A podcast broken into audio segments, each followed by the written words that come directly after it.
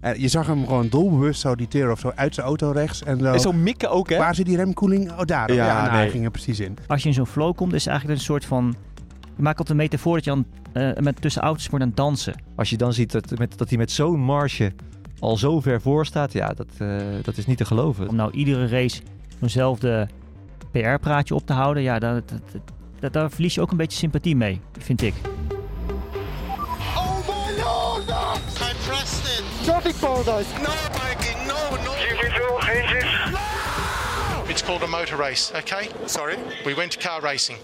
Welkom bij De Boordradio, de Formule 1 podcast van nu.nl, waarin we gaan terugblikken op de Grand Prix van België, de grote inhoudrace van Max Verstappen op Spa-Francorchamps. En dat gaan we natuurlijk weer doen met het vaste team van nu.nl, met eh, vanuit, waar zijn we eigenlijk Joost? Pervier. Oh ja, Verviers.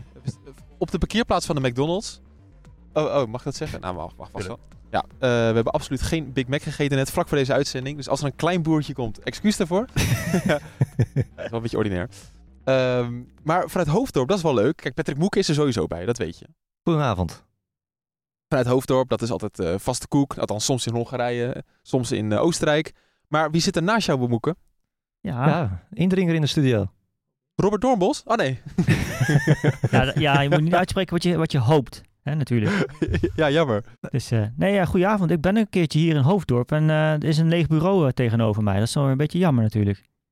Ja, ongelooflijk. Is het Ja, wel leuk om daar te zijn? Beetje door kunnen rijden, Joost. Hè? Nou, eh, we, het valt eigenlijk best wel mee. Want we zijn, hoe laat zijn we van het circuit afgegaan? Kwart over acht? Kwart over acht of zo. En toen eh, hebben we de speciale Formule 1 exit gebruikt voor mensen die een beetje belangrijk zijn. Daar eh, rekenen we onszelf graag toe. Ja, kom, dat is echt grappig. Je hebt gewoon de, de normale mensenweg. Dat is de, de bekende Spaweg waar alle fans in staan. En wij gaan door een soort kronkelweg door het bos heen. Ja, we hebben be- bergpaden, eh, enorme gaten in de weg.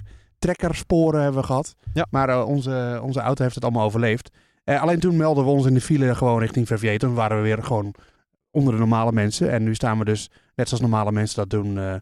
nou ja, dat doen normale mensen niet. Om podcast opnemen op de, de parkeerplaats van de Ja. McDonald's. Maar dat is wat we nu aan het doen zijn. Eh, maar dus ja, dus daarom... eh, we konden het niet voor elkaar krijgen om, om nog helemaal naar Hoofddorp te rijden helaas. Hoort ook, hoort ook wel een beetje bij de spaarervaring, toch? Gewoon even een file meepakken op het laatst. Het, eh, Bergpaden, files, eh, een zeer, zeer enkel van het rempedaal. dat, dat hoort er allemaal bij. Ja, Ja. Het is, eh, dat is het spa-totaalpakket. Je hebt in ieder geval niet eh, de auto hoeven uitgraven uit de modder in het weiland. Dat scheelt weer Nee. dit weekend. Zeker niet zelfs. Zeker niet zelfs. Nee, ik wil even refereren aan de, de vooruitblik. Waarin eh, een of andere hoop in Toen zei. Van ja, ze moeten gaan kiezen qua afstelling. Of je nou voor sector 1 kiest, voor sector 2 en sector 3. Nou, hoop in. eh, Red Bull heeft het goed gedaan. Die kozen gewoon voor alle sectoren. Ja, dat had ik weer een mooi fout natuurlijk. Nee, ja, dat, dat, dat, en dat, dat, om meteen de deur in huis te vallen, dat is natuurlijk ook hetgene wat de, dit weekend zo bijzonder maakt. En waarom Red Bull zo dominant was dit weekend. Want ja, eh, normaal gesproken is het zo, als je met minder downforce rijdt, ben je dus inderdaad sneller in sector 1 en sector 3. En dan moet je vaak wat toegeven in sector 2. Heb je ook meer last van bandenslijtage. Maar dat hadden ze dus allemaal niet, want eigenlijk was vooral sector 2 eh, waar Verstappen de meeste tijd pakte. Ten opzichte van eh, zo'n beetje iedereen. Ja. Dus dat was, eh, ja, was echt eh, heel bijzonder. Bizarre situatie. eh Moeke, we hebben natuurlijk Verstappen al in Hongarije gezien. Dus we wisten dat hij aan een inhaalrace kon gaan beginnen. Eh, maar zo dominant in een weekend hebben we hem echt zelden gezien. Hè? Nee, ik denk dat dit eigenlijk wel zijn dominantste zege eh, ooit was. We hebben hem ooit in Mexico volgens mij met een seconde of twintig zien winnen. Ja, ja nee, als je ziet waar hij vandaan kwam en hoe snel het ook allemaal ging. Volgens mij binnen zes rondes lag hij in de top drie. Ja, ongekend. Je verwacht wel van Verstappen, zeker als je kijkt de vorm die hij het hele weekend al had. Hij was in de kwalificatie razendsnel. Hij, hij steekt natuurlijk ook gewoon in de vorm van zijn leven. Hè. In Hongarije eh, is nog maar een paar weken geleden. Maar dat het zo snel gaat en met zoveel overtuiging, ja. Eh, ik kijk al best lang Formule 1. Het, eh, het deed mij echt denken aan Schumacher in zijn beste tijden, Hamilton in zijn beste tijden. Gewoon pure dominantie. En het mooie is, eh, ook dus op een gegeven moment werd er tegen hem verteld van ja Max, je mag ook nog wel wat meer op je banden gaan letten, een boordradio. Toen zei hij van ja, daar ben ik al mee bezig. Om maar aan te geven dat hij eigenlijk ook nog wel, als hij echt had gewild, had hij gewoon nog harder gekund. Ja, Joost, in Hongarije zagen we natuurlijk Verstappen eh, echt iedereen aan gort rijden. Maar nu, ja, wat, of eigenlijk de vraag is, wat was de rol van de auto bij deze zege? Ehm, dat, dat heeft natuurlijk te maken met twee dingen. Dat is de één, de Red Bull zelf. En twee, eh, de concurrentie. De Ferrari en, eh, en nou ja, moet je de Mercedes er ook een beetje bij rekenen. Een klein beetje. Ja. Eh, dus er spelen natuurlijk een paar dingen een rol. Ik denk dat het een combinatie van factoren was. Ten eerste, de Red Bull past uitstekend bij Spa. Eh, dat, is, dat zegt Verstappen zelf ook. De, de, de layout van die auto, de, het ontwerp, past gewoon heel goed bij, eh, bij wat, is, wat, wat, wat Spa vraagt. Eh, de Ferrari, dat is het tegenovergestelde. Dat is eigenlijk geen geschikte auto voor Spa. Dat zeiden de coureurs van Ferrari zelf ook, Leclerc en Sainz. Al bij gesproken in afloop. Ehm, en er waren nog een paar andere kleine factoren. Verstappen had natuurlijk nieuwe motoronderdelen. Nou had Leclerc dat ook, maar Sainz niet. Eh, eh, er was een kwestie qua van rijhoogte. En dat had niets te maken met anti-porpoising regels. Maar eh, het schijnt dat, je, dat veel auto's in Spa iets hoger moeten rijden qua rijhoogte.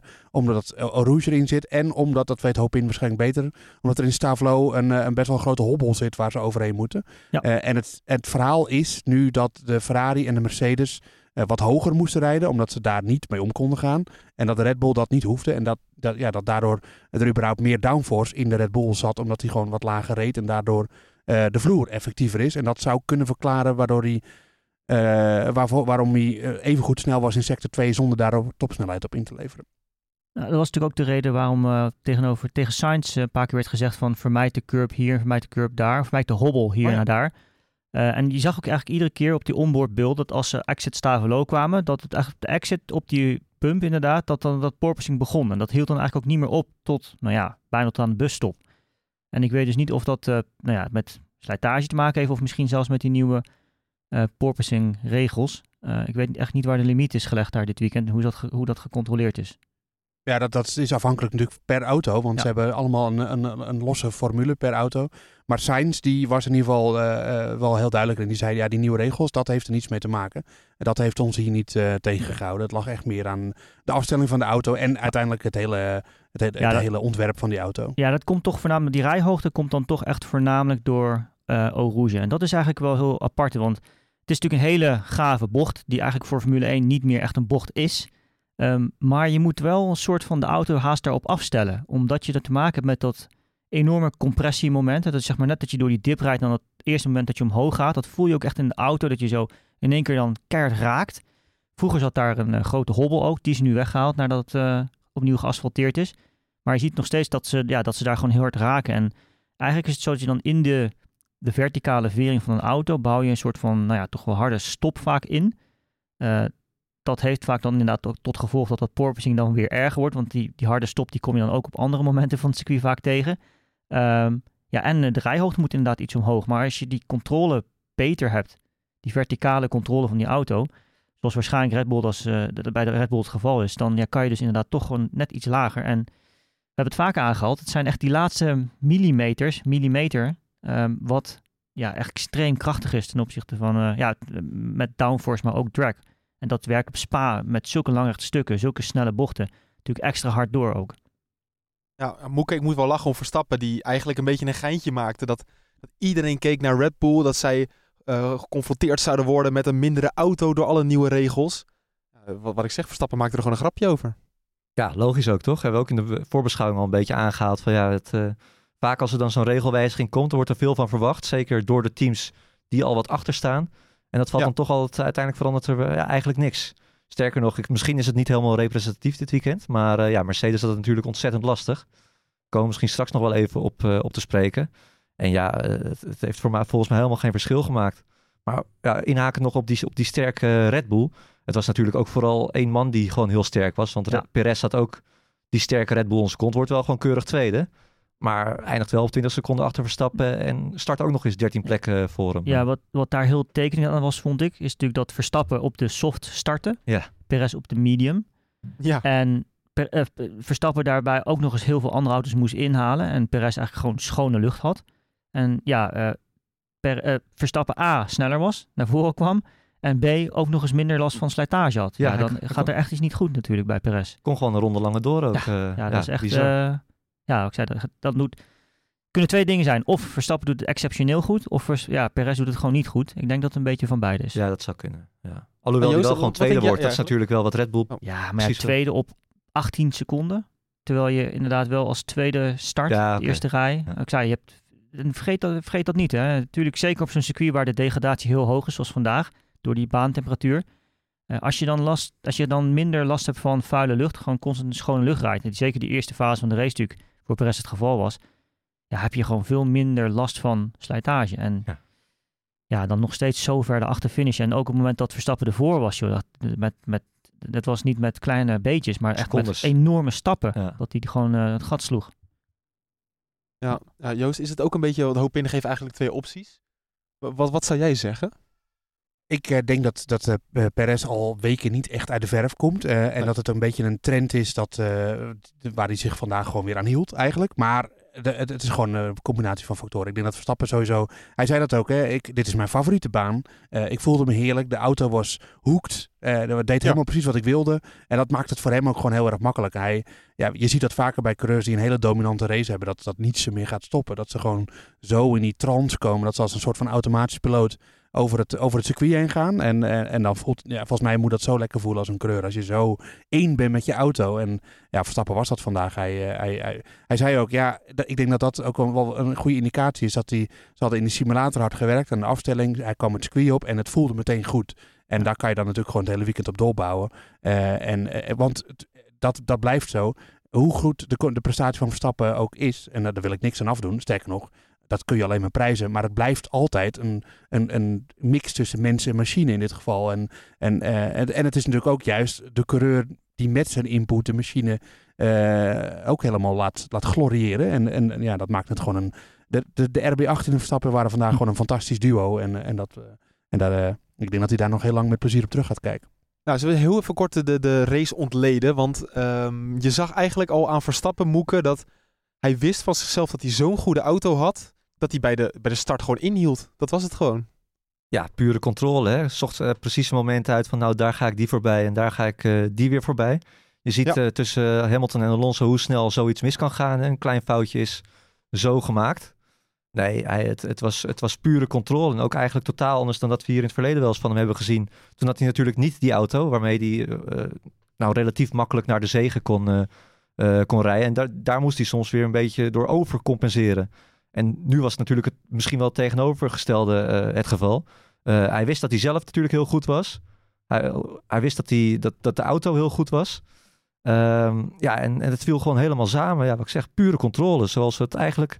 Hij is, hij is vaak goed natuurlijk, maar zo goed ja, eh, hebben we het niet vaak gezien.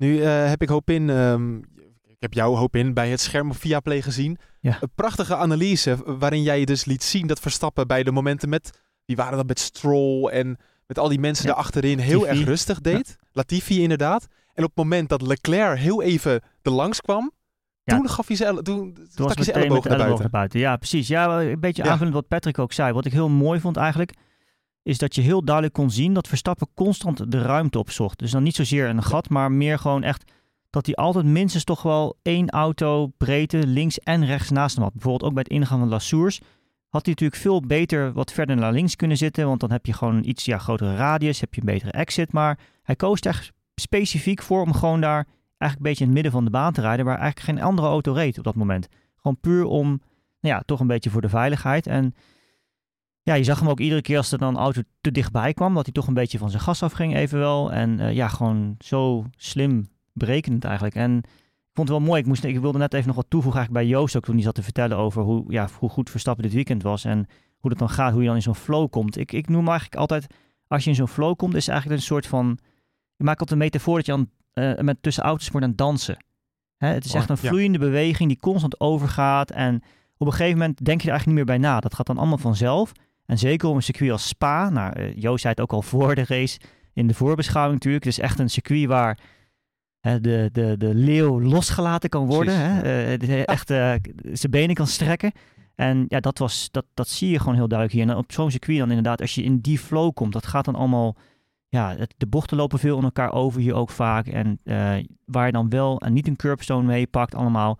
Net hoe je hem, onder welke hoek je hem pakt ook. Dat maakt allemaal een enorm groot verschil. En we hebben het wel vaker aangehaald natuurlijk. Het, het gat is groot, maar vergeet niet, als je in iedere bocht een halve tiende pakt, ja, dan heb je dat al te pakken natuurlijk. Dus Ja. het is ook niet zo dat hij in één bocht meteen drie, vier tiende pakt. Dat is echt overal een klein beetje. Het is ook zo, die, al die inhaalacties. Het was ook wel heel makkelijk op DRS. We zagen bij Alonso dat hij nog ineens halverwege Camel Straight, Joost, dat hij er al voorbij was.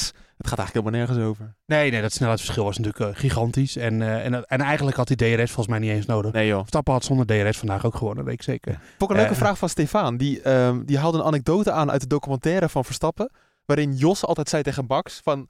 Er is één ding, je mag niet inhalen op het rechtstuk. Je Ja. moet het doen in de bochten. Ja, nee, klopt. Nou, dat, om dat- te oefenen. da- uiteindelijk was Verstappen dat vandaag ook gelukt. Hij, hij was gewoon zoveel beter dan de rest. En je, volgens mij, Sainz verdedigde ook niet echt.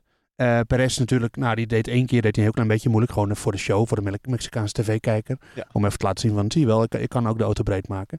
Eh, maar Sainz, die, die was gewoon heel realistisch. Die, die, die had zelfs eh, natuurlijk zaterdag, dat is zo raar om te horen. Een coureur die, die krijgt eigenlijk de eerste startplaats cadeau, Sainz. Maar die zei eigenlijk al van, ja, het is allemaal leuk, die eerste startplaats. Maar Max komt ons gewoon morgen allemaal voorbij. Profetische woorden. Want eh, nou, het was al, ik denk dat het nog eerder was gebeurd dan dat, dat Sainz dacht. Twaalf rondjes. Ja, het was een mooie suggestie. Ik zag een eh, heel wijs man dat op Twitter ook zeggen. Van misschien moeten we Verstappen maar geen DRS meer geven. Dan wordt het nog wat spannend. Ik weet niet wie het was, maar... Ja, ja de, ik ken hem wel, weet je ook weer. Houdt hij van een Big Mac? Ja, die vindt de Big Mac op zijn tijd. eh, Big Mac op zijn tijd vindt hij wel lekker. Ja, dat klopt. Ja, die is het, ja. Zeker na een raceweekend. Ja, heel goed. Nee, ja. Maar het, het heeft er natuurlijk ook wel een beetje mee te maken, gewoon da- daarop terugkomend. Als je al weet dat iemand zo snel is, hè, ook als je daar een concurrent van bent, als je die al in je spiegels eh, zit, eh, ziet aankomen. Je bent natuurlijk ook als coureur zijnde veel met je eigen race bezig. Dat je het, dat je, ja, het heeft ook niet zoveel zin om volle bak te gaan blokken of om echt heel erg het leven zuur te gaan maken. Omdat je daar eigenlijk alleen maar je eigen race mee eh, eh, ja, in de problemen brengt. En zeker op een circuit Ja. Spa natuurlijk. Waar je uiteindelijk dan toch ook wel weer gewoon de pineut bent. Ja, eh, precies. linksom, rechtsom. En wat ik wel mooi vond ook, is dat je eigenlijk tussen... Ja, soms heb je toch wel een beetje van de coureurs... Ja, ik had dit kunnen doen, dat kunnen doen. Maar eigenlijk na de race toch wel zag je bij iedereen toch ook wel een beetje een soort van... Ik kan niet zeggen respect, haast ontzag van, voor de prestatie van Verstappen. Ja, iedereen was een beetje flabbergasted ook Ja, zo. ja, ja, en het was en ook bij, zelfs ook bij zijn eigen team. Hè? Ja. Horner ook, die na de race dat ook zei van ja, we, we hadden wel verwacht dat hij naar voren zou komen, maar op deze manier en ook zo makkelijk en zo snel. Ja, dat ging eigenlijk elke verwachting te boven. En misschien bij Verstappen zelf ook wel, denk ik. Toch vind ik hem wel echt een eh, respectloze coureur. Echt hoe die, hoe die dat heeft aangepakt met Charles Leclerc, het, belachelijk.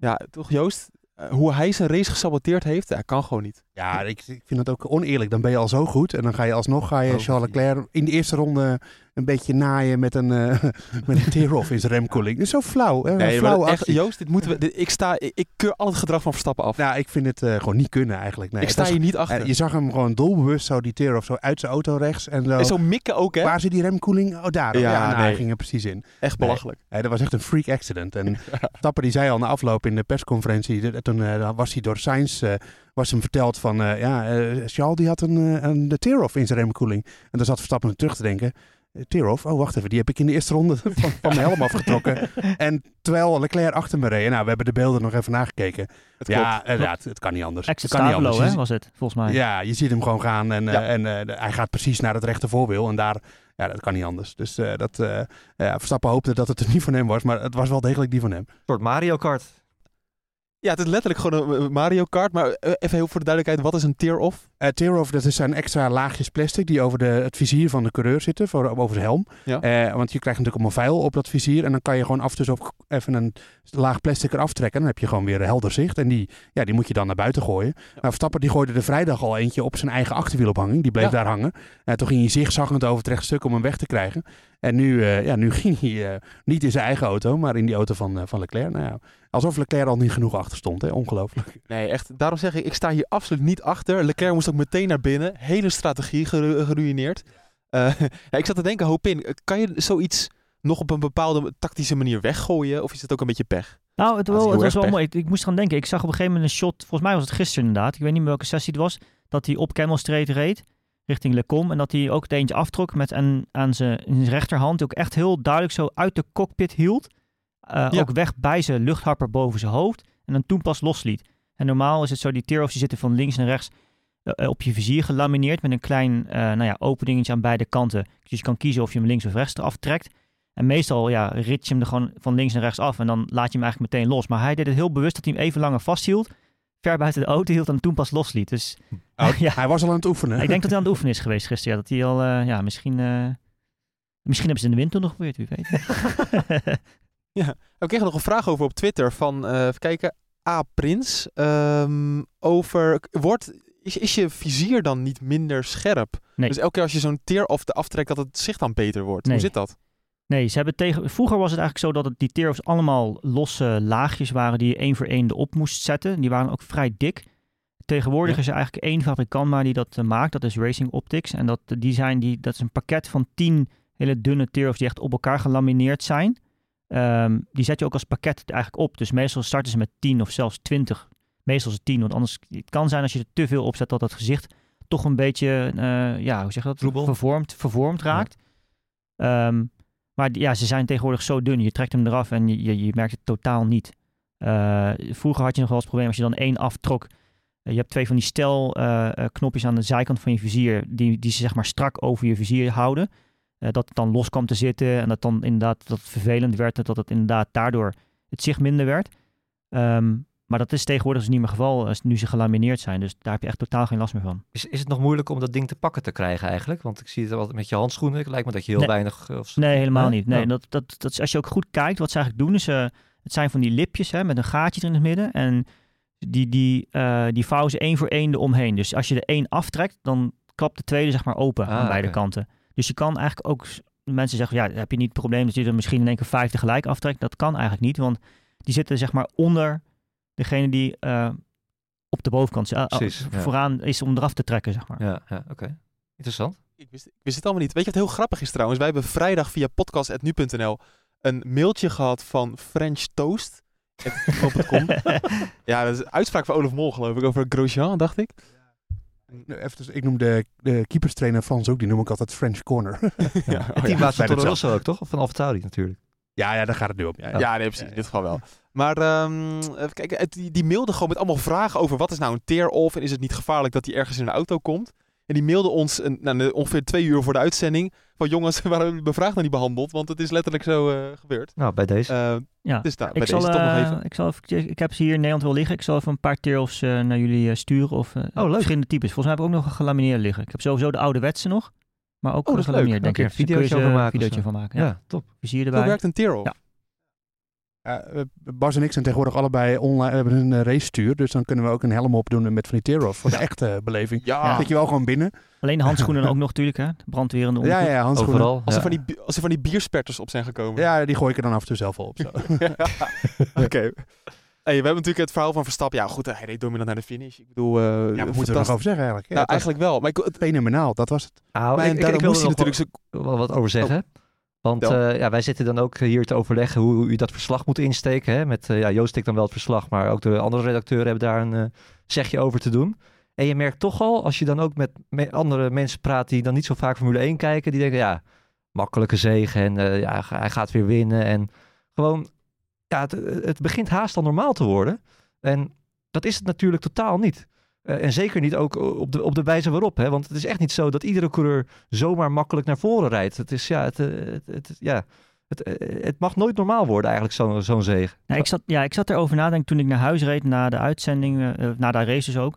Dat ik dacht van ja, het, het, het is, wordt inderdaad haast normaal gevonden. En soms krijg je natuurlijk wel eens commentaar van ja, je kijkt door een oranje bril eh, als je voor de Nederlandse eh, media werkt. Ehm, maar je moet het eigenlijk vanuit het perspectief van bijvoorbeeld een Britse media bekijken. Die zien natuurlijk gewoon precies hetzelfde. Ja. Hè, hetzelfde als zoals wij in het verleden bijvoorbeeld Lewis Hamilton zagen, totaal zagen domineren. Dan sprak, sprak ik me persoonlijk ook op dezelfde manier erover uit. Het is gewoon ontzettend bijzonder wat je ziet. En dat went nooit. En dat is ook zeker nooit, zal nooit normaal worden. eh, in, in de sport ook niet. Want het, het is en blijft een sport waar je natuurlijk over, ja, om duizendste vecht normaal gesproken. En als je dan zo'n iemand met zulke grote verschillen ziet, eh, ziet winnen, ja, dat, dat gaat echt de geschiedenisboeken gewoon in. Letterlijk. Ja, zeker. Ja. Ja. deze gaan we nog wel herinneren ook, Ja. eh, van Verstappen. Ik denk ook dat je, om even terug te komen op Hamilton. eh, over Hamilton wordt vaak gezegd over zijn dominante jaren. Van ja, hij had ook altijd de beste auto. Eh, maar ook een, als je de beste auto hebt, kan je nog fenomenaal presteren. En ik denk dat Verstappen dat vandaag heeft. Ja. Dat heeft Hamilton in het verleden ook best wel vaak laten zien. Niet alle races, soms was het ook makkelijk voor hem. Eh, best wel vaak, maar ook niet altijd, weet je wel. En, en dat was voor Verstappen natuurlijk vandaag ook zo. Ja, hij had de beste auto, dat was afgetekend waar. Dat, dat, daar twijfelt niemand aan, hij zelf ook niet. Maar dan nog kan je een fenomenale race rijden, ook al heb je de beste auto. En dat, eh, dat is mooi dat Verstappen dat nu eigenlijk ook een keer bewijst. Ook voor Hamilton en voor Schumacher eh, en voor al die andere coureurs die gedomineerd hebben. Dat het is altijd, nou ja, wat ik net al zei, het is altijd een samenspel tussen de auto en de coureur. 93 punten. En dan denk je nog ineens op Charles Leclerc, maar gewoon op zijn teamgenoot Sergio Perez. Ja, Moeke, het is toch gewoon gespeeld. Ja, maar dat zeiden we in Hongarije natuurlijk Ja, al. dat, dat hebben we al heel lang gezegd, ja. Ja, maar nu is, nu is het echt zo van, het gaat nu richting de 100 punten. We gaan nu gewoon de race uitzoeken waar het gaat gebeuren. Nou, ik heb, ik, sterker nog, ik heb net al eventjes, eh, want jullie stonden in de file en ik was eigenlijk al klaar met werken. Dus ik heb eventjes een kleine berekening gemaakt van hoe het, eh, hoe het eh, seizoen zich kan gaan ontvouwen. Leuk, Ehm, kom erop. nou, hij heeft in Singapore, dat is de race na Monza, als ik het goed, eh, goed zeg, Ja. heeft hij een voorsprong van 138 punten nodig om eh, kampioen te worden. Nou, dat is, Eh dat, dat, daar kwamen we 140 uit. Klopt dat dan? met de snelste rondes? Ja, en je hebt nog de, de sprintrace. Oké, nou laat het 140 zijn. Eh, maar- dat, dat is gewoon haalbaar. Japan kwam ik op 112 uit. Dat is een race later. Ja, dat, dat, dat- daar gaat het wel naartoe. En dan ben je gewoon vier, vijf races voor het eind ben je kampioen. Ja, dat is natuurlijk... Ook als je ziet hoe, eh, hoe het verschil met Ferrari natuurlijk was in de beginfase van het jaar. Verstappen eh, twee van de eerste drie races uitgevallen natuurlijk. Als je dan ziet dat, met, dat hij met zo'n marge al zo ver voor staat. Ja, dat, eh, dat is niet te geloven. Dat is echt... hadden we nooit verwacht met z'n. Nee, en er is wel één belangrijk verschil, denk ik. En dat is, dat is oké, vandaag was dat dan niet zo, wat ik net heb gezegd. Verstappen had vandaag duidelijk de beste auto. Maar in die jaren dat bijvoorbeeld Schumacher of Hamilton dit deed, hadden ze ook eigenlijk wel in de meeste races een dominante auto, Klopt. toch? En nu, eh, Verstappen, die zegt dat zelf, ik kan het vaak, niet vaak genoeg benadrukken. Ja, natuurlijk, Leclerc heeft fouten gemaakt. Ja, Ferrari heeft strategisch enorme blunders gemaakt. Vandaag weer. Eh, maar, maar dan nog was het best elke race spannend. En hij is natuurlijk lang niet altijd van pole vertrokken. Dus dat maakt het eigenlijk misschien nog wel ietsje knapper. Eh, maar Verstappen zei daar zelf wel over dat hij toch wel vindt dat hij relatief een betere auto heeft dan vorig jaar. Eh, dus eh, dat hij, dat hij, ja, dat komt natuurlijk ook omdat de Mercedes gewoon tegenvalt. Dat, het is altijd afhankelijk van elkaar. Maar dus, ja, het is toch wel, ik denk dat het eigenlijk misschien nog wel ietsje knapper is dan we met z'n allen denken. Omdat hij gewoon best wel veel races er echt voor heeft moeten rijden. Eh, vandaag, je komt van plek 14. Eh, vorige race komt hij van plek 10. Eh, en er zijn er natuurlijk nog een paar. En, en, en dan af en toe een bedankje naar Ferrari of een bedankje naar Leclerc. Eh, maar al met al maakt het... Kijk, het is misschien natuurlijk niet een heel spannende titelstrijd. Maar het is wel een hele mooie titel, denk ik. Een echt afgedwongen titel. Ja, Hopin, die ehm, fout van Ferrari, eh, althans bij Leclerc eigenlijk Welke door in de laatste ronde... ja, wel- welke van de zoveel? We, we nemen ze even door.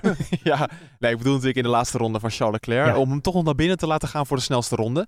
Allereerst, begreep jij die actie en hoe het zich zo ontvouwde? Ja, was dat ook een beetje pech misschien? Nou ja, ik, ik begreep het persoonlijk ik, niet echt. Ehm, aan de ene kant, qua, qua track position ten opzichte van Alonso is het op zich wel, eh, was het op zich wel te doen. Want eh, je weet zeker aan het einde van de race, eh, als je kijkt hoeveel ronden Alonso al had gereden op die banden. Eh, als je dan met een verse set, of je er dan voor of achter komt, dan heb je in principe maar één ronde nodig om er voorbij te gaan. En dat was dan in zijn outlap. Eh, nou, in Ja. dit geval deed hij dat dan in zijn vliegende ronde. Had hij eigenlijk ook nog voordeel bij. Had hij natuurlijk DRS in de eerste sector daardoor. Ehm, maar het, het, het eigenlijk voor mij het tekenende was dat Leclerc zelf op de radio aangaf van eh, nee, weet, weten jullie zeker dat we het gaan doen? Zullen we het maar niet doen deze race? En ik denk niet dat we het moeten doen. En ja, ondanks dat je dus aan het einde van de race zit en ondanks dat je dus eigenlijk dan een nieuwe of een verse set in dit geval eh, zachte banden krijgt om zijn ronde te, te, te, rijden, eh, je moet er alsnog altijd wel even goed voor gaan zitten natuurlijk. En eh, al die rempunten goed raken, die snelheid overal meenemen. En dat brengt natuurlijk ook een bepaald risico met zich mee. En nou ja, als je al zo'n lange race achter de rug hebt, zeker één die niet verlopen is zoals je zelf wilde of eigenlijk verwacht had. ehm, en je dan zo erover uitspreekt, ja, dan weet je eigenlijk als team toch ook haast wel van dat, dat wordt hem waarschijnlijk dan niet. En dat, dat bleek ook wel, want ondanks dus dat alle sterren eigenlijk zo stonden dat hij het makkelijk zou moeten doen, hè, lege auto, geen brandstof, eh, een verse set soft, ja, kwam die gewoon nog steeds echt dik en dik tekort ten opzichte van Verstappen. Dat, Oké. en- Zestiende. ja, Ja. zestiende. En dat was, ik denk 12 of 13 ronden eerder gereden. Dus dan praat je, denk al qua brandstof praat je minstens over een seconde aan brandstofeffect in de auto. Nou, en, eh, en banden. Dus ja, dat is... eh, nogmaals, ja, het, het- ook weer twee mogelijkheden. Of het onderstreept eh, hoe goed Verstappen was, of eigenlijk hoe zwak Leclerc was in dit geval. Maar ik denk dat het een beetje van beide was. Ja, en dan ook nog eens de, de speeding in de pitlane moeken. Ehm, al, al lag het wel aan een, een sensor, geloof ik. Hè? Dat was het wel. Maar Nou, dat staat niet helemaal vast hoor. Nee, Oh, Leclerc nee, heeft zelf gezegd dat het eh, zijn eigen schuld was. Ja. Ja, hij trok Ja. zelf Ja. flink het boetekleed aan. Ja, het Oh, kn- knullig. En ja, het is dan wel één kilometer natuurlijk. Maar ja, het is eh, goed voor vijf seconden eh, vandaag. En ja, het, het, is dat de titelstrijd al vergeven is. Maar het kan natuurlijk wel het, vers- eh, ja, het, het, het verschil uiteindelijk maken. Wat ook niet meehielp, was dat hij natuurlijk ach- achter Alonso de baan weer op eh, kwam. Die moet je dan ook nog eerst voorbij als, als coureur zijnde. Misschien dat dat ook weer extra energie kost. Ja, het, Ja. het- het- het- Dat heeft hem in dit geval misschien wel geholpen. Ik zei, daardoor had hij natuurlijk de DRS in de eerste sector. waar, En dat is een sector waar Ferrari natuurlijk sowieso niet zo sterk was. Nou was het niet in beeld natuurlijk, dus ik weet niet of hij het goed getimed heeft.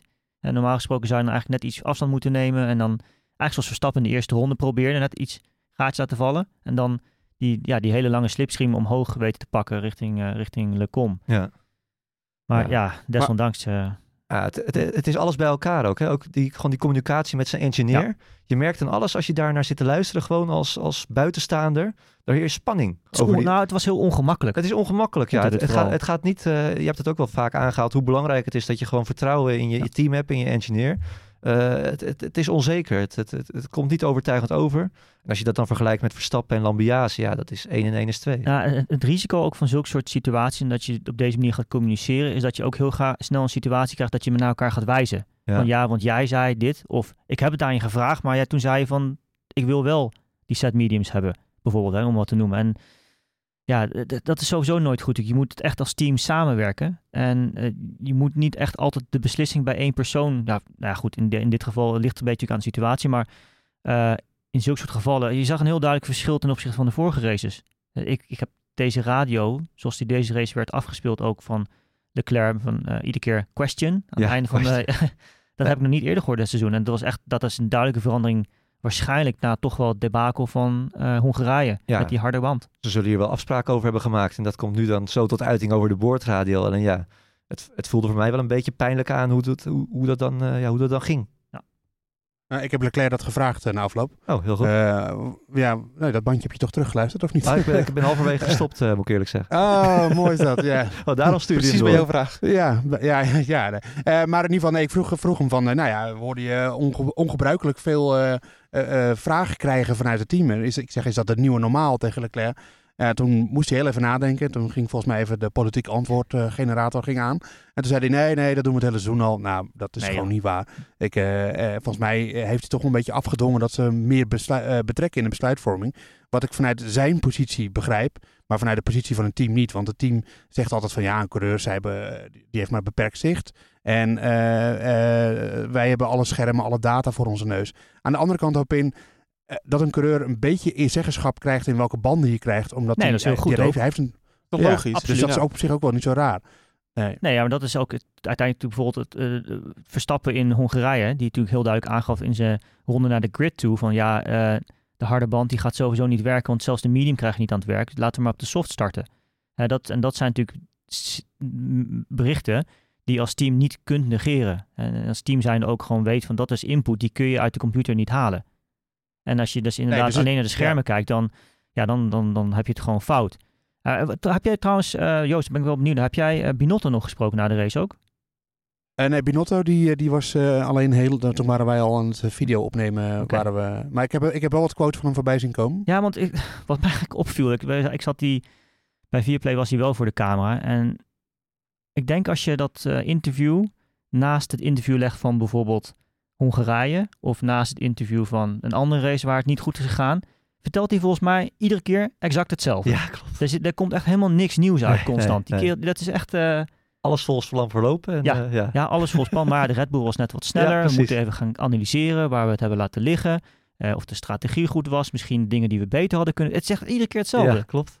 Ja, goed, eh, goed gezien. ja, klopt. Dus echt, Ja, eh, ja. Maar op zich, ja, het is natuurlijk heel vervelend voor ons, maar ik, ik snap ergens ook wel dat hij dat doet. Want ja, je kan wel op allerlei details. Natuurlijk, transparantie is leuk, maar dan moet het jezelf wel verder helpen. En ik denk dat, dat het eigenlijk nu zo is dat al zou hij. Ik bedoel, eh, neem alleen maar even die situatie van Leclerc in de kwalificatie, dat hij in Q3 de verkeerde banden meekrijgt. Dat, dat is eigenlijk, ik bedoel, het is een klein foutje, maar het is natuurlijk een patroon bij Ferrari. En er zijn natuurlijk dingen die wij weten die misgaan. Maar er zijn waarschijnlijk denk ik ook nog wel dingen waarvan we niet weten dat het misgaat. En dan zou die heel erg transparant zijn, Binotto. Dan denk ik dat, dat, we, dat we dat hele team nooit meer serieus nemen. En, en daarmee wil ik niet zeggen dat dat alleen bij Ferrari gebeurt. Want ook bij andere teams gaan natuurlijk dingen fout waar wij geen weet van hebben. En Horner is natuurlijk ook een soort halve politicus met zijn... Kijk, eh, in Nederland is Horner natuurlijk eh goed gezind. Want dat is de teambaas van Verstappen. Maar die zegt ook wel eens eh, dingen die achteraf niet waar blijken te zijn. Of die, die een beetje anders zitten. Of die, hij schuift dingen wel eens een beetje onder het tapijt. Maar Binotto, ja, die moet natuurlijk ook veel meer onder het tapijt schuiven, laten we eerlijk zijn. Dus ja, ik snap wel dat hij daar een beetje defensief in, eh, in is. En dat is eigenlijk misschien geen goede mening als journalist, want je wil altijd transparantie. Maar als zou ik Binotto zijn, dan zou ik ook denken van, nou, het gaat jullie niks aan wat hier allemaal fout gaat. Nee, maar, En we gaan het eerst proberen eh, een beetje intern op te lossen. ja, maar het zou wel fijn zijn als hij toch wel een klein beetje toch iets meer de details intreedt. En ook eh, iets nou ja, meer het moet wel geloofwaardig blijven. Precies, Ja, en dat, precies. is, dat is het nu natuurlijk helemaal niet En is meer. Het is ook sport hè? en het is emotie. En wat dat betreft wil ik het ook wel over Hamilton bijvoorbeeld zeggen. Dat, dat vond ik dan ook wel mooi. Hè, dat hij vandaag, eh, op het moment van de crash wist hij het niet helemaal zeker. Toen hij het terug had gezien op televisie dacht hij, ja, het is mijn fout. En dat zonder dat iemand dat dus ook vraagt, benoemt hij dat. Of in ieder geval zegt hij dat dus ook gewoon voor de camera. En dat vind ik, dat vind ik persoonlijk iemand heel erg sieren. En ik denk zeker ook in het geval eh, van een team ook, kan je natuurlijk ook gewoon zeggen, ja, sorry, we hebben deze race gewoon enorm verkloot. Precies. En dat kan gebeuren, dat hoort bij de sport. Dat Ja. is sport. Nou is natuurlijk, ja, ik kan me ook wel voorstellen, ik wil niet te lang doorgaan op Ferrari, maar eh, ze hebben natuurlijk te veel steek laten vallen dit jaar. Dus het is inderdaad wel pijnlijk als je dat iedere race zou doen. Maar om nou iedere race zo'nzelfde PR-praatje op te houden, ja, dat, dat, dat- daar verlies je ook een beetje sympathie mee, Ja. vind ik. En geloofwaardigheid. Eh, dat eh, over Ferrari. Ehm, ik heb nog wel van één iemand wel echt genoten, eh, Joost. Fernando Alonso. Ja, Fernando. Die Ja. staat echt weer op zijn praatstoel, jongen, die gozer. Ja, ja, ja. Hij, eh, na afloop, eh, nou ja, hij was eigenlijk best wel mild over Hamilton. Maar toen had hij wel al gehoord dat Hamilton had toegegeven dat het zijn fout was. Ja. En dat maakt het natuurlijk een stuk makkelijker. Was het Hamilton zijn fout? Ja, als hij het zelf zegt, waar, wie zijn wij Nee, het was 100% eh, Hamilton's fout. Hij snee gewoon. Kijk, je kan natuurlijk proberen de deur dicht te gooien als iemand je aanvalt. Want dan in aanval is natuurlijk altijd de verantwoordelijkheid van de aanvallende partij. Maar hij was nu zelf de aanvallende partij. Ja. En dan kan je niet iemands remzone, ook al is hij al een beetje in de bocht, zo afsluiten door gewoon hem ja, ervoor te gooien. En, en Alonso zei ook, ja, hij dacht waarschijnlijk dat hij er al voor zat. Dat zat hij niet. Ehm, eh, maar het leverde wel natuurlijk een heerlijke boordradio op. Van, eh, wat zei Alonso ook weer van, ja, hij kan alleen maar eh, vooraan starten en vooraan rijden. En racen kan hij niet. Dat was een beetje de strekking van het verhaal. Ook een beetje overdreven. Dat vond Alonso trouwens zelf achteraf ook. Maar, eh, Idioot, en hij was iets- ook nog. Eh, idioot, ja. nou ja, dat is, dat is nog redelijk mild. Eh, maar Alonso was vooral natuurlijk op het beste spreken na afloop. Want hij, hij was zesde en hij zei, dat incident maakt eigenlijk helemaal niks uit. Want we zijn langzamer dan Ferrari, Mercedes en, en, en Red Bull. En we zijn sneller dan de rest. Dus we waren sowieso wel zesde geworden. En dan kreeg hij nog uiteindelijk één plekje cadeau natuurlijk. Omdat Leclerc eh, speeding in de pitlane. Dus hij was best te spreken en zat er op zijn praatstoel. En wat had, hij zei ook weer, het beste nieuws dat ik vandaag kreeg. Oh, ik zag dat die penalty van, van Charles. En dan werd ik... en hij zei ook nog over die situatie dat Leclerc eh, natuurlijk in de slotfase opeens voor zijn neus eh, kwam en dat hij die in kon halen. Van, eh, vroeg hem ook van, eh, van eh, wat, wat dacht je op dat moment? Ja, ja Ferrari heeft wel vaker rare dingen en dit was er weer eentje. Dus eh, hij stond ook een beetje besmuikt te lachen daarom. Dus eh, ja, over zijn oude team notabene. Ja, inderdaad zeg. Ook dat nog eens. Ehm, ja, ik had Fernando Alonso in mijn, in mijn GP-spel. Oh. Werd ik wel aardig blij van. Had je, had je naar mij geluisterd, Bas? Voor, mijn, voor de Ja, voorbeschouwing. Ja, maar ik hoop in, ik luister altijd naar jou. Weet je toch? We hadden ze al, uit, hadden- we hadden ze al als outsider genoemd, hè? Voor deze race. Zeker, ja. Dat Ja, is een keurige nee, eh, analyse. Maar wat ik dan, maar ik wil wel, wat ik dan wel nog erbij wil zeggen eh, over, Alonso.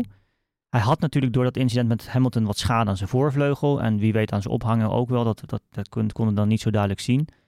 Maar hij start als derde. En Ocon als, mm, is het vijftiende uit mijn hoofd? Zoiets, buiten de top 10, ja. En die finish twee seconden achter hem. Ja, dat is dan toch ook weer niet... Ja. Mm, mm. Dan zeg Ja, je maar daar wat. hebben we het al over gehad. Hè. De- Ocon is echt underrated. Echt niet normaal. Ja, Deze race. deze, Deze race. Deze race. ja. Net als Gasly deze race trouwens. Die wordt achtste geloof ik. Achter vanuit de pitstraat. Ja, Ja, dat is ook knap. wel hartstikke knap. Ja. Ja. Maar goed, laten we, dit is allemaal nou voor het GP-spel. Laten we eens eh, kijken hoe dat is gegaan. Volgens mij zei ik net dat Gasly achtste was. Hij is negende geworden in ieder geval. Een rectificatie. Ehm, maar Moeke, hoe, hoe hebben wij het allemaal gedaan? Vertel eens.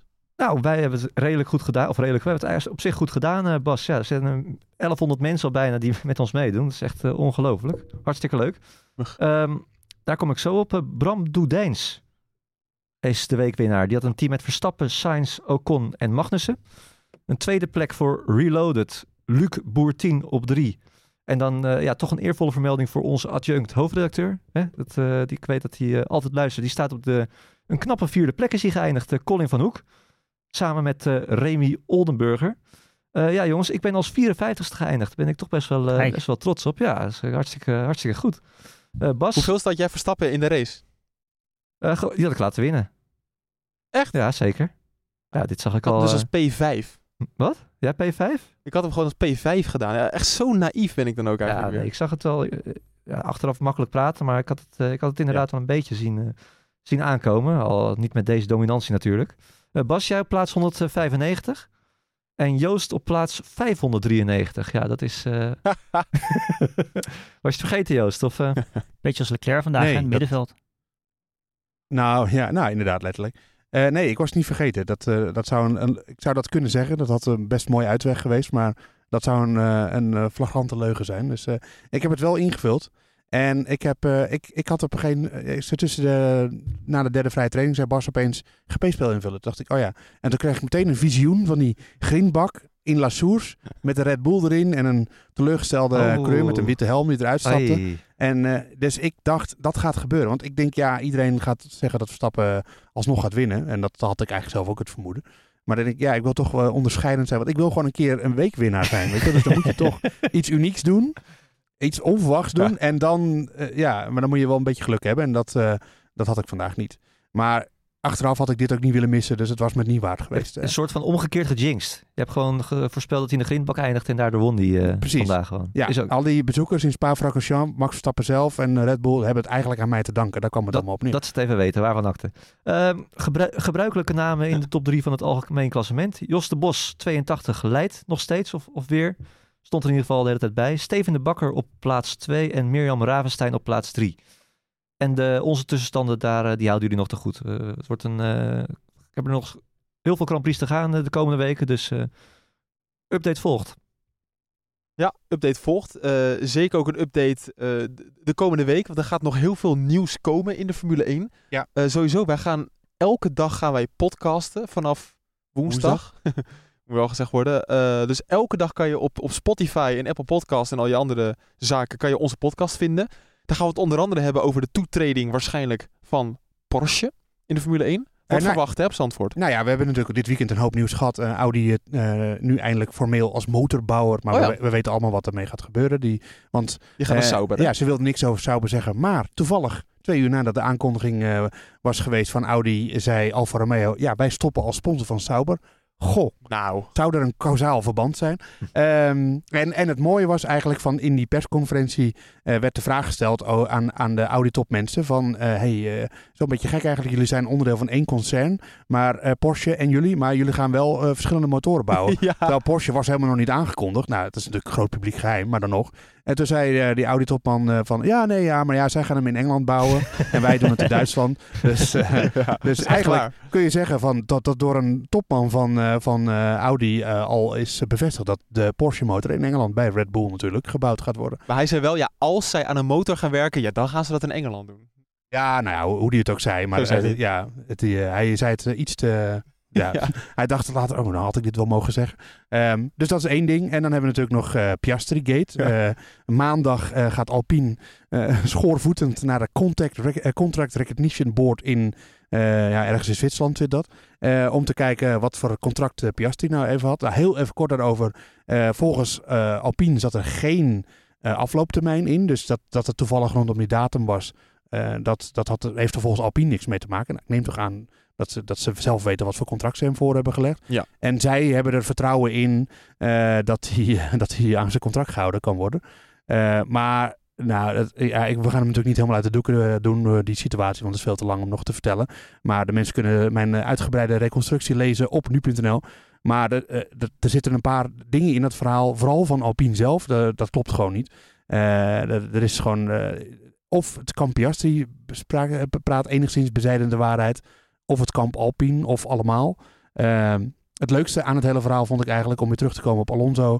dat Alonso zondagavond tegen Otmar Safnauer van Alpine had gezegd... nee, geen haast eh, met die contractbesprekingen, komt allemaal goed. En, eh, en eh, ik- ga lekker naar mijn boot op, in Griekenland. En dat hij maandagochtend een contract tekende bij Aston Martin. Dat het persbericht naar buiten kwam en dat Safnauer op die manier te weten kwam... dat diezelfde coureur, die niet in Griekenland was, ook nog eens ja, getekend had bij Aston Martin. Dat was wel weer typisch Alonso. Eigenlijk kan dat ook niet, toch? Het is, eh, het is wel heel grappig, maar ja, het is- eigenlijk is het wel Ja, nou. Alonso had, om, om wel het verhaal compleet te maken, Alonso had wel vooraf eh, Laurent Rossi, de CEO van Alpine, ingelicht. En Luca de Meo, de president van Alpine. Dus hij had niet helemaal clandestien gehandeld. Eh, maar ja, niet helemaal netjes richting Safnauer. Eh maar dat wordt vervolgd, dus eh, we horen waarschijnlijk niet maandag al hoe dat nou zit met het contract van Piastri. En als Alpine bakzeil haalt, dan wordt hij heel snel aangekondigd bij McLaren. Ja, en er gaat een heel spannend gerucht rond in de paddock. Want wij verwachten allemaal Ricciardo gewoon in de Alpine. Want ja, die gaat gewoon naar een ander team en dat is prima. Ehm, om daar dus Alonso op te volgen. Piastri dus naar McLaren. Maar er gaat dus een ander gerucht. Pierre Gasly naar. Alpine. Yeah, Gasly.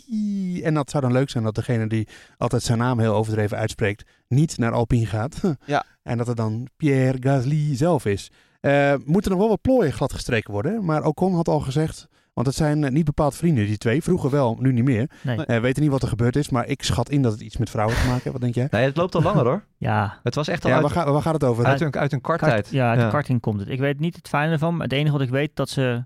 Het is niet, niet dat ze geen vrienden zijn van elkaar. Ze haten elkaar echt, Ja. maar echt, echt heel erg.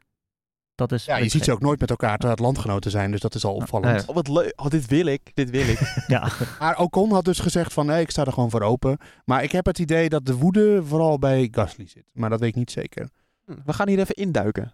Wat, wat, wat is nou de ruzie? Ja, dat weet dus niemand. Dat weten ze alleen zelf. Niemand, he- ze hebben daar zelf nooit wat over gezegd. Maar er is vast wel iemand die het weet. Ik ga Yvonne de Kolder bij je even appen. Ja. Ik wil dit weten. Ik moet de geruchten... De, Wat is je Juice kanaal in het Frans? Juice Cana- Juice Canale. Eh, nou, dat in ieder geval. En, uh, en Ricciardo dan? Sabbatical? nou, sabbatical. eh ik denk dat het eh, ja, ja, Nou, vandaag niet echt reclame voor zichzelf gemaakt heeft. als je het gaat Nee. invullen is Haas de en- enige optie. Maar ja, wil die Haas? Dat, eh, want dan zit je toch Ja. redelijk achteraan. Het zou echt een Maar soort... op zich is wel logisch. Nou ja, het, het, Schumacher dan naar Alfa Tauri. Of eh, ja, naar Alfa Tauri.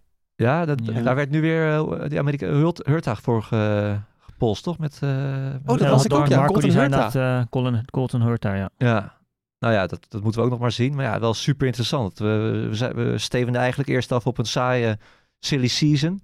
En opeens eh, de gekste dingen kunnen gebeuren, joh. Ik vind het wel mooi. Maar het is ook wel, Dus het gewone seizoen is niet zo spannend meer, maar het silly season. Gaan we daar gewoon alleen maar podcasts over maken. maar dat is ook wel weer mooi, want eh, ja. maar Dr. Marco heeft natuurlijk al heel tijd geroepen van ja, nee, Gasly die heeft een contract voor volgend jaar, die, eh, die rijdt bij ons. Die heeft een contract voor volgend jaar, die rijdt bij ons. Contracten zijn dus eigenlijk niet zoveel waard in Formule 1. Dat blijkt wel. Ze hebben allemaal clausules ook, precies. toch? Ja. Je, je kan altijd wel... eh, Laten we eerlijk zijn. moest ook wel lachen, hoop in uh, met Viaplay dit weekend. Ja, zat met Guido ook de hele tijd. Ik ging alleen maar voor, met die contracten voorbij. uh, hij weet er alles van natuurlijk. ja, ja, die is expert wat dat betreft. Ja, precies. Ja, dat is, wel, dat is wel leuk inderdaad. Maar zometeen... ehm nou nee, we gaan het gewoon zien helemaal. We gaan Ja. het meemaken. Voor woensdag, donderdag, vrijdag, zaterdag, zondag. Elke dag geruchten. Hou, hou, eh, hou nu.nl goed in de gaten. Hou onze twitters eh, goed in de gaten. Maar laten we eerst zeggen, wat Gasly, wat, bij Alfa Tauri zit je ook een beetje vast. Dus voor eh, hem zou het is- fantastisch zijn. Hij zit op een eh, ontzettend dood spoor. Hij komt nooit meer in een Red Bull. En nu weten we wel dat, dat eh, Red Bull eh, Alfa Tauri iets meer als zusterteam schijnt te zien dan jongere team. Ja, dat klopt. Ja, iets meer, maar ja, als ik hem was, eh Ja. hij, ja, hij is een dood spoor, dus hij moet naar een ander team. Voor Gasly Oh, dat is een hele goede keus. Zeker. Als hij uh, zich over dat akkefietje met Ocon heen kan zetten, ja, dan moet hij dat gewoon ja, doen natuurlijk. absoluut. Eh, Of niet, want eh, gewoon twee teamgenoten die ruzie hebben met elkaar, dat kan gewoon. Nee, maar als je je, hoeft als niet je, per se BFF's te zijn. ja, dat kan ook. Het zou voor ons wel leuk zijn. Als ze, gewoon, als ze gewoon helemaal niet met elkaar praten, dat zou, ik denk dat het voor het verhaal alleen maar beter Ik denk is. dat het nooit Leuk. goed kan gaan. En twee Fransen bij een, uh, bij een Frans team. Totale chaos. Maar Dus, uh, nou, het is wel team Ensto natuurlijk, niet helemaal Frans. het lastige daaraan natuurlijk is dat je binnen een team natuurlijk een enorme vorm van, ja, veel transparantie moet hebben. Omdat je daarmee de algehele performance van een team helpt. Ja. Data delen, noem maar op. En je kan als coureur natuurlijk ook wel een beetje op bepaalde momenten expres de boel blazen haast. Om te voorkomen dat je teamgenoot daar veel van leert. En eh, ja, dat is natuurlijk voor een team natuurlijk wel heel erg schadelijk. Dus het, het is wel denk ik zaak dat ze eh, in ieder geval sportief wel met elkaar om kunnen gaan. Dat, dat het persoonlijk, niet, eh, persoonlijk vlak niet eh, door één deur gaat, dat is dan tot daar aan toe. Maar je moet als team natuurlijk eh, hoe dan ook altijd wel met elkaar samenwerken. Anders dan eh, ja, doe je elkaar gewoon, doe je jezelf ook tekort. Maar jongens, Bas wil afronden, want Ja. eh, we gaan waarschijnlijk nog een rondje door de McDrive. Ja, de- Big, Mac- zijn Big Mac wordt Ik koud. wil wel nog een rondje eigenlijk. Ja, nee, we gaan zeker afronden. Eh, ik wil jullie allemaal bedanken. Eh, ik, wil, ik wil de luisteraar bedanken voor het luisteren. Natuurlijk. Eh, ik wil jullie bedanken voor jullie tijd. Dan gaan wij dus vanaf woensdag gaan wij rondom het circuit van Zandvoort gaan wij uitzenden. Een podcast. Die komt dan denk ik woensdagavond laat wel online. Maar dan kan je in ieder geval donderdagochtend die luisteren. Jij een beetje opschiet met monteren, dan komt hij snel. Ja, nou, als ik zo snel ben als vandaag dan niet. Ehm, dus dat komt helemaal goed. Dus hou vooral Spotify en Apple Podcasts in de gaten. Abonneer daar ook op, want dan krijg je in de meeste gevallen een melding. Al krijg ik ook heel vaak mailtjes dat mensen geen melding krijgen. Ik weet niet hoe dat werkt, maar zo is het leven. Eh, laat ook nog even een recensie achter. Is lekker. Zou mooi zijn allemaal. En dan eh, zou ik alleen maar zeggen, ja, woensdag. Ik, ik heb er zin in. Woensdag is een persdag. Circuit Zandvoort. Dan gaat de voorpret echt beginnen. Ja, alleen we hebben dus een persdag woensdag eh, eh, eh, van een speciale gelieerde bierbrouwer. Oh, leuk. Amstelbier. Ja, nee, nee, die andere. En, eh, maar dat is, dat is ook van die ene bierbrouw. Ja, Eh, maar, en dan hebben we donderdag nog een persdag waarin alle coureurs gaan zeggen hoe leuk ze het vinden om weer op Zandvoort te zijn. Ja. En dan pas op vrijdag gaan we racen, dus daar krijgen we... Heerlijk echt- toch ook die voorpret? Het is, Inderdaad. En ik hoop op een bak regen. het is geweldig. Met Ja. de DRS open. Ja, door de ook, bocht. Ja. De toch, heel even, even snel, nog- ik was van de week al op Zandvoort. Een eh, rondje over de fiets eroverheen eh, gemaakt. Ja, het Ook DRS open. Ben je nog gevallen? niet gevallen. Ik was vorig jaar was ik de allereerste die, eh, die gecrashed was in de, in de kombocht. Allereerste ooit. Toch mooi overeind geholpen door Nico Rosberg. Hè? Dat eh, één op één interview aan overgehouden. Was, eh, heel, was die val helemaal, helemaal waard. Maar eh ja, Zandvoort zit, het, het is allemaal nog groter dan vorig jaar. Het, het VIP-dek is hoger. Er zijn meer eetentjes. Eh, en, niet onbelangrijk, er komt een wisselvallig weekend aan qua weer. Ik zou zeggen, Dit ga bewaren vooral we mooi voor woensdag. Woensdag gaan we vooral luisteren naar de laatste update van Weerplaza. Elke dag met een weerupdate. We gaan het meemaken. Dankjewel. Tot woensdag.